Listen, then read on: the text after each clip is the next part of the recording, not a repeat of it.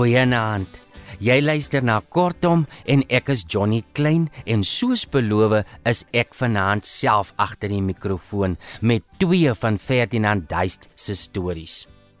Maar eers is Anton Dekker aan die beurt met 'n baie kort storie. Hoe ek myself ryk gespaar het deur Jan J.F. Viljoen.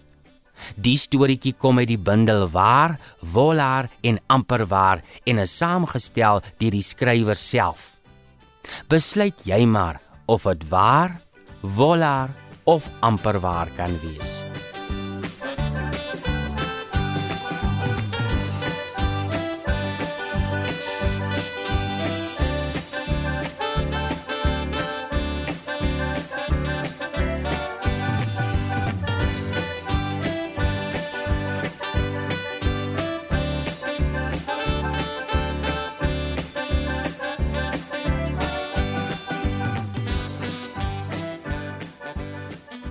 Jy wil weet hoe ek 'n brandstofmagnaat geword het?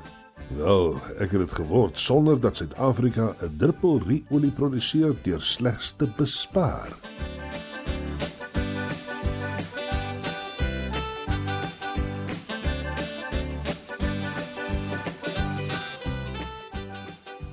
Dit het alles begin met die oliekrisis hier in die jare 70.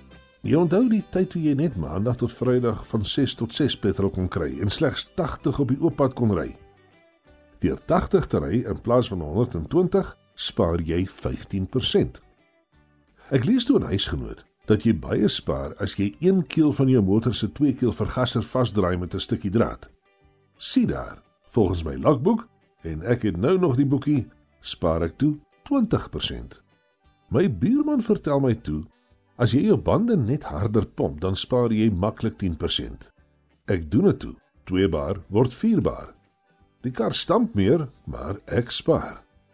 Sasol kom toe met hulle skoon brandformule en sien daar nog 6% word by my rekening afgetrek. My neef in die lugmag praat toe eendag oor aerodinamika. Die volgende dag waai die dakrak en sien daar nog 10% afslag.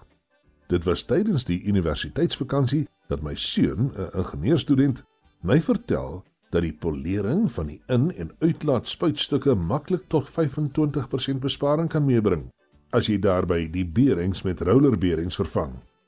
So gesê, so gedaan. Op 'n dag hoor ek van die wondermiddel Mobilium wat by die olie gevoeg word. Dis 'n bietjie duur, maar net wat ek nodig gehad het om geld te maak uit die storie. Met 15% van 80 ry, die 20% van 1 keel toedraai, die 10% van die harder bande, 6% van die skoonbrandformule, die 10% van die aerodinamika, die 25% van die gepoleerde in- en uitlate, as ook die mobilium bymiddel se 15% is my besparing nou 101%. Ek het die tank destyds net halfvol gemaak en nou suig ek weekliks 15 liter uit die tank en verkoop dit terug aan Sasol as hergesirkuleerde brandstof tap ek dit nie af nie, loop dit self uit en skep 'n brandgevaar.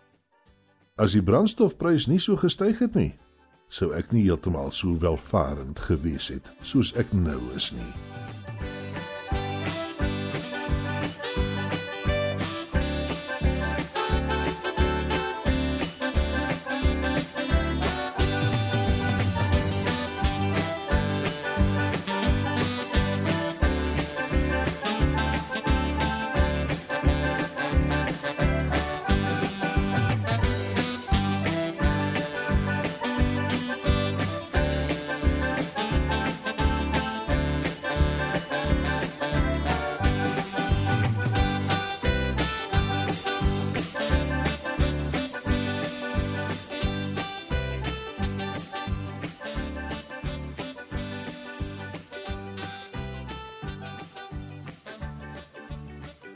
En nou is dit my beurt. Ek lees Hermans Askiese operasie en ook gekonfoeste geslagregisters deur Ferdinand Duist. Die stories kom uit die bundel Sandveld stories, die Pomporgelkonsert en ander verhale en word uitgegee deur Tafelberg Uitgewers. Geniet dit.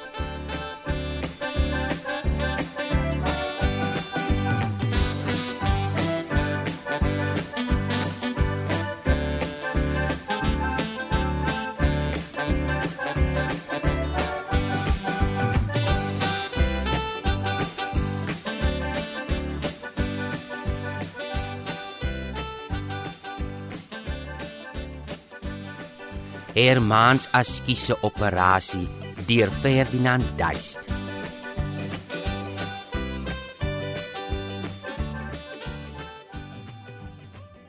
Wat in die man se lewe verkeerd geloop het, sal ek nou nie weet nie. Maar laat dit iets te maak met gehad het met 'n mens se natuur. Dis nou verseker. Hermans was maklik die skuiste mens gewees wat ek geken het en nog ken. As die mansmense by jy bymekaar kom, so donker aan se kant na die ete en drinke, na die kraal se kant toe geloop het om te gaan kyk of die hekke toe is, soos hulle nou maar sal gesê het, dan het Hermans gebesluit dat hy maar liewerster sal gaan kyk of die lyndraad so 'n 500 tree van die huis af nog regop staan maar dit was veral as daar 'n vroumens op die toneel geverskyn het, laat hy skoon verboureerd geraak het. In 'n sulke tye wat die arme Hermans dan allerhande eienaardige goeters gesê en gedoen het net om nie niks te sê of te doen nie. En nesse iets gesê of gedoen het, het hy gesê: "Askies tog." Want hy het sommer geweet dit was weer verkeerd gesê en gedoen gewees. En soos dit nou mos maar altyd met die uitverkiesing saam gebeur, het ouer Mans op 'n dag dodelik siek geword aan sy maag. Sommer hier laag af by die dik derm rond, glo blaase uitgeskawe of iets. En toe daar gepraat word dat hy dalkie sal moet hospitaal toe gaan, het die arme man geheel onregeerbaar geraak. Maar toe dit nou blyk laat daar niks ander heen kome is hy het Hermans geberus in die pad van die noodlot en gebegine regmaak vir die hospitaal toe gaan ry. Oor hy nou self nie gerook het nie, het hy by almal gebegine soek vir 'n springbok twaksakkie om sy winkeltande in te sit wat hy altyd in sy hempsak gedra het en net sonda in sy mond gesit het sodat dit nou nie so vinnig moet uitsluit nie. Dis nou daai lapsakkies met die toutjie bo in wat jy so toetrek as jy nou jou pyp klaar gestop het. En op laas maak ek toe maar my sakkie in 'n gemblik leeg en ek gee hom die twaksakkie om sy tande in te karwei. So is Hermans toe hospitaal toe. En daai selle aand toe dit al begine skeefloop want die dokter wat by die hospitaal oor die arme mense gegaan het wat nou nie hulle se eie dokter kan gebetaal het nie, was 'n vroumens gewees. En dis toe natuurlik sy wat vir Hermans moet geondersoek het. Dit was glo weer die allervreeslikste askiestale wat die man gepraat het toe hy nou hoor dat 'n vroumens hom moet ondersoek. Toe die dokter so 'n jong blonde kop vroutjie daar aankom en vir hom sê hy moet sy klere uittrek, was hy tale al skoon opgewys. Hy het net kan gesê het, "Askies tog, ja, askies." En met dit hy sy klere gebegine uittrek. Die dokter was natuurlik nie toe by gewees nie en hy was op sy eentjie daar agter die skermpies doene gewees. Toe die dokter nou terugkom, het Hermans daar gestaan met 'n lakend om sy lyf gedraai. En toe die doktertjie by die skermpie se ingang kom, vra sy ewe ordentlik of hy klaar is en of sy maar kan inkom. En toe daar nou geen woord terugkom nie, is sy maar in. En daar die arme Hermans gestaan en bewe in sweet, laat die strale teen sy slape afgeloop het.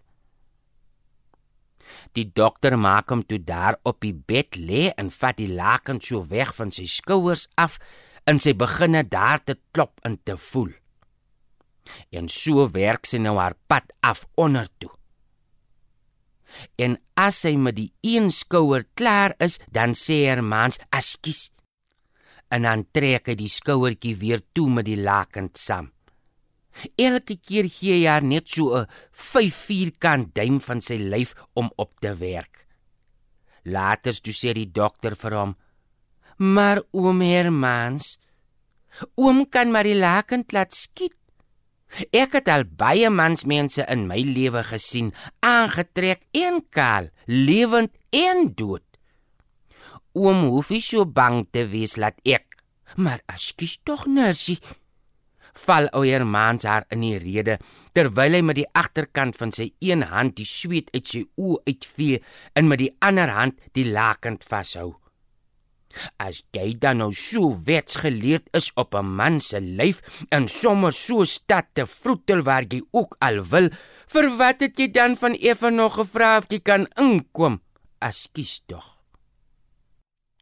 Die doktertjie het gegiggel en na Herman se naveltjie se kant toe gebegine werk met die ondersoek saam. En toe sy so aan sy maag vat, toe ruk sy hele maagvel op 'n knop. Sy het nog gereken sy het op die kwaad afgekom, maar al die tyd was dit skoon senuwees gewees wat so gepluk het. Toe sy nou met die maag saam klaar is en begin verder beweeg, toe begin hy Hermans met voetsek. Askies tog en bly uit my menslikheid gehoor, askies tog. En hoe meer Hermans klou waar hy klou, hoe meer begin die doktertjie toe die speelietjie te geniet. En sy slaan toe maar eers die oor in sy werk met sy bobene en sy skene saam af tot by sy tone. En toe sy met dit klaar is, toe druk sy haar hande so agter op haar kruis en sy staan so half agteroor regop, so of sy klaar is en met wat ou Hermans lyk of hy skiet gee waar hy hou toe pluk sy die laken daar oop en sy buk vooroor met haar luisterapparaatjie. En toe lag sy laat die nurse in die omgewing eintlik almal oor die afskortingkies kom loer. Daar waar die laken oop staan daar lees jy springbok twak als netjies krop gevat en in die sakkie toegetrek. En toe sy omkyk na haar man se gesigkant toe, toe skree sy op die nurse wat van oralster af so gestaan in loer het: "Moenie so staan nie, kry die suurstof tank, die man is dan flou."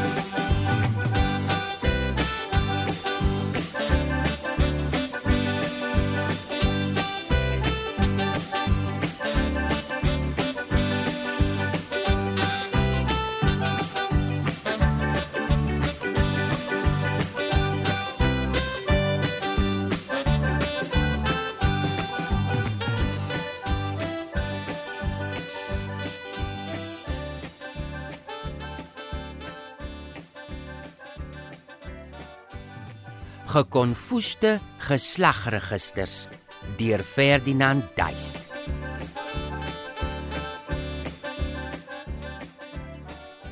Familieuitlee was in ons tyd in Dani sommer gewees van nie weet wat om anders te doen nie. Sonder 'n geslagregister van ten minste so 100 jaar was jy soos 'n vreemdeling in die land van Israel in die tyd van die Bybel moet gewees het want elke behoorlike Jood het mos 'n geslagregister gehad wat ten minste by Abraham teruggegaan het. Dis nou behalwe vir Melchisedek, maar hy was 'n uitsondering gewees.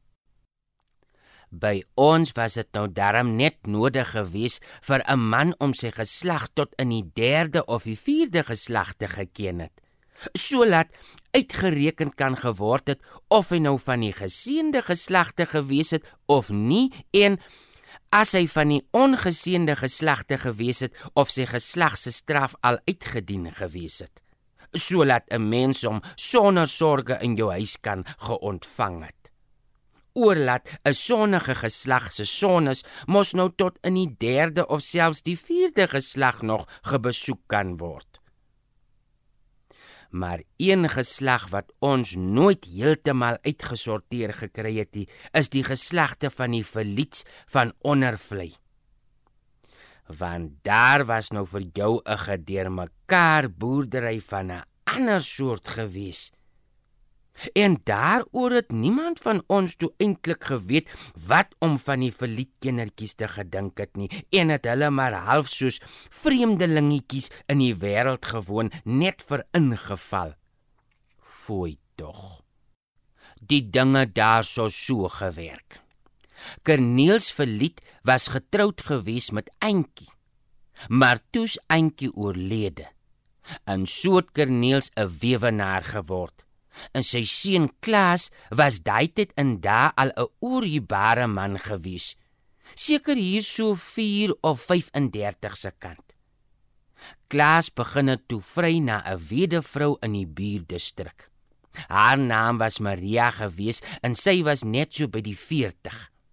En sy het 'n dogter gehad met die naam van Sophie. Die was al so mooi opgeskoot gewees, seker so 18 of 19, raai ek nou maar. En toe Klaas se vryery by Maria nou ernstig beginne word, toe bring hy vir haar ondervlei toe sodat sy pa daarom nou die nooi ook kan ontmoet. Maar met die gaan Sophie toe ook saam ondervlei toe. Nou was ou Corneels daai tyd skoon laf gewees van alleenheid. Net waar hy gekom het, was hy aan die vrou soek gewees. Die vroumense het later sulke draaie om hom gegooi, want hy het nou sommer publiek vatterig eensoenerig geloop word op sy leeftyd van kort by die 60 rond.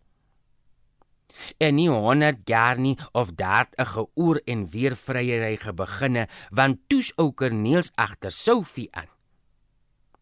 Of sy nou, soos die ou liedjie sê, van skaamheid ja gesê het en of ou Corneels haar die hemelige beloof het en of sy nie ander jongetjies geken het nie, maak seker nou ook nie veel saak nie, want die eind van die storie was gewees dat ons daar 'n dubbele troue gehad het. Klaas met Maria en Corneels met Sophie. Dit mag nou vir vandag se mense nie na 'n probleem lykie, maar vir mense van daai tyd was dit 'n erg probleem geweest. Probeer jy nou maar die familie daarso uitlê en kyk waar jy uitkom. Klaas het oorlaat hy met Maria getrou het, Sophie se pa geword. En oorlaat sy pa nou weer met Sophie saam getrou het, was Klaas sy eie pa se skoonpa gewees. Maria was nou weer Corneel se skoondogter gewees oordat sy met Corneel se seun getroud gewees het, maar in dieselfde tyd was sy Corneel se skoonma gewees oordat Corneel met haar dogter getroud gewees het. En Sophie wat mos nou Klaas se dogter gewees het oordat hy met haar ma getroud gewees het, was terselfdertyd ook sy ma gewees oordat sy met sy pa getroud gewees het. En oorlaat Sophie nou Maria se dogter gewees het en terselfdertyd Klaas se ma was Maria Klaas se vrou gewees en sy ouma want sy was mos ook sy ma se ma gewees. Tot daartoe kan dit nou nog gegaan het, maar daarso het dit nie geënt nie. Dit was die 100 jaar gewees, toe Corneels en Sophie 'n kleintjie En dis waar die gemors gebegin het. Corneels en Sophie se kleintjie het die probleem gehad dat Klaas terselfdertyd sy broer en sy oupa gewees het, want kyk Klaas was mos Corneels se seun gewees en 'n ander seun van Corneels moet Klaas se broer gewees het. Maar oorlaat Klaas Sophie se pa gewees het, was hy haar kind se oupa gewees. Aan die ander kant was daai kleintjie nou weer Maria se kleinkind gewees, maar oorlaat dit haar man se broer gewees het, was hy terselfdertyd haar swaar gewees. Het jy nou van 'n ander kant af na die saak gekyk? Was Corneel se seun eintlik sy neef gewees? Want wat kan jou skoonpa se kleinkind nou anderster van jou wees? Daai kleintjie was met ander woorde Corneel se kind en sy neef. Klaas se kleinkind en sy broer. En Maria se kleinkind en haar swaar gewees. As dit nou maar daarso geënt het, maar nee. Dit was nou weleste waar so 'n bietjie na sy paale, maar toe loop staan in kry Klaas en Maria ook 'n kleintjie van hulle eie. En dis toe waar die geslagregisters heeltemal gekonfus geraak het want met Klaas en Maria se kleintjie was die saak nog ingewikkelder geweest as met Corneels en Sophie se. Kyk. Hy was mos nou Klaas se seun geweest en daaroor Corneels en Sophie se kleinseun. So was hy met ander woorde Sophie se kleinkind geweest. Maar oor laat dit Maria se kind gewees het en Maria Sophie se ma gewees het, was die kleintjie mos nou ook Sophie se broer gewees. En met die laat Sophie nou weer Klaas se ma gewees het en sy kleintjie haar broer was die kleintjie mos nou innerwaarheid ook sy oom gewees, sy ma se broer. Aan die ander kant Maria was Corneel se skoonma gewees en 'n ander seunskind van jou skoonma is tog jou swaar en oorlaat Maria nou Klaas se vrou en sy skoonma gewees het en 'n mens se skoonma se ander seunskind jou swaar is was sy eie kind ook sy swaar gewees so was die kleintjie toe Klaas se seun en sy oom en sy swaar Corneel se kleinseun en sy swaar en Sophie se broer een kleinkind gewees. Klaas was met ander woorde behalwe dat hy sy pa se skoonpa gewees het en behalwe dat hy met sy ouma getroud gewees het, sy seun se pa en sy oom en sy swaar gewees. Maar die ergste was gewees dat hy oorlaat hy sy ma se pa gewees het, dit wragtig reg gekry het om sy eie oupa te word. Nou weet ek nie wie laat die boekhouer daai tyd in die hemelse howe gewees het nie. Al wat 'n mens maar vir die verliet geslag voor kan gehoop het, was laat die een darmsel kan kop gehou het met wie nou vir wie se oortredings gebesoek moet geword. En jy wil aan my kom. Laat staan tog net jou stoutigheid. Jy soek na moeilikheid. Laat staan tog net jou stoutigheid. Jy soek na moeilikheid. Laat staan tog net jou stoutigheid. Jy soek na moeilikheid. Laat staan tog net jou stoutigheid. Jy soek na moeilikheid. Dit was Hermans askiese operasie en ook gekonfoeste geslagregisters geskryf deur Ferdinand Duist. Dankie dat jy saam geluister het. Ek groet tot 'n volgende keer.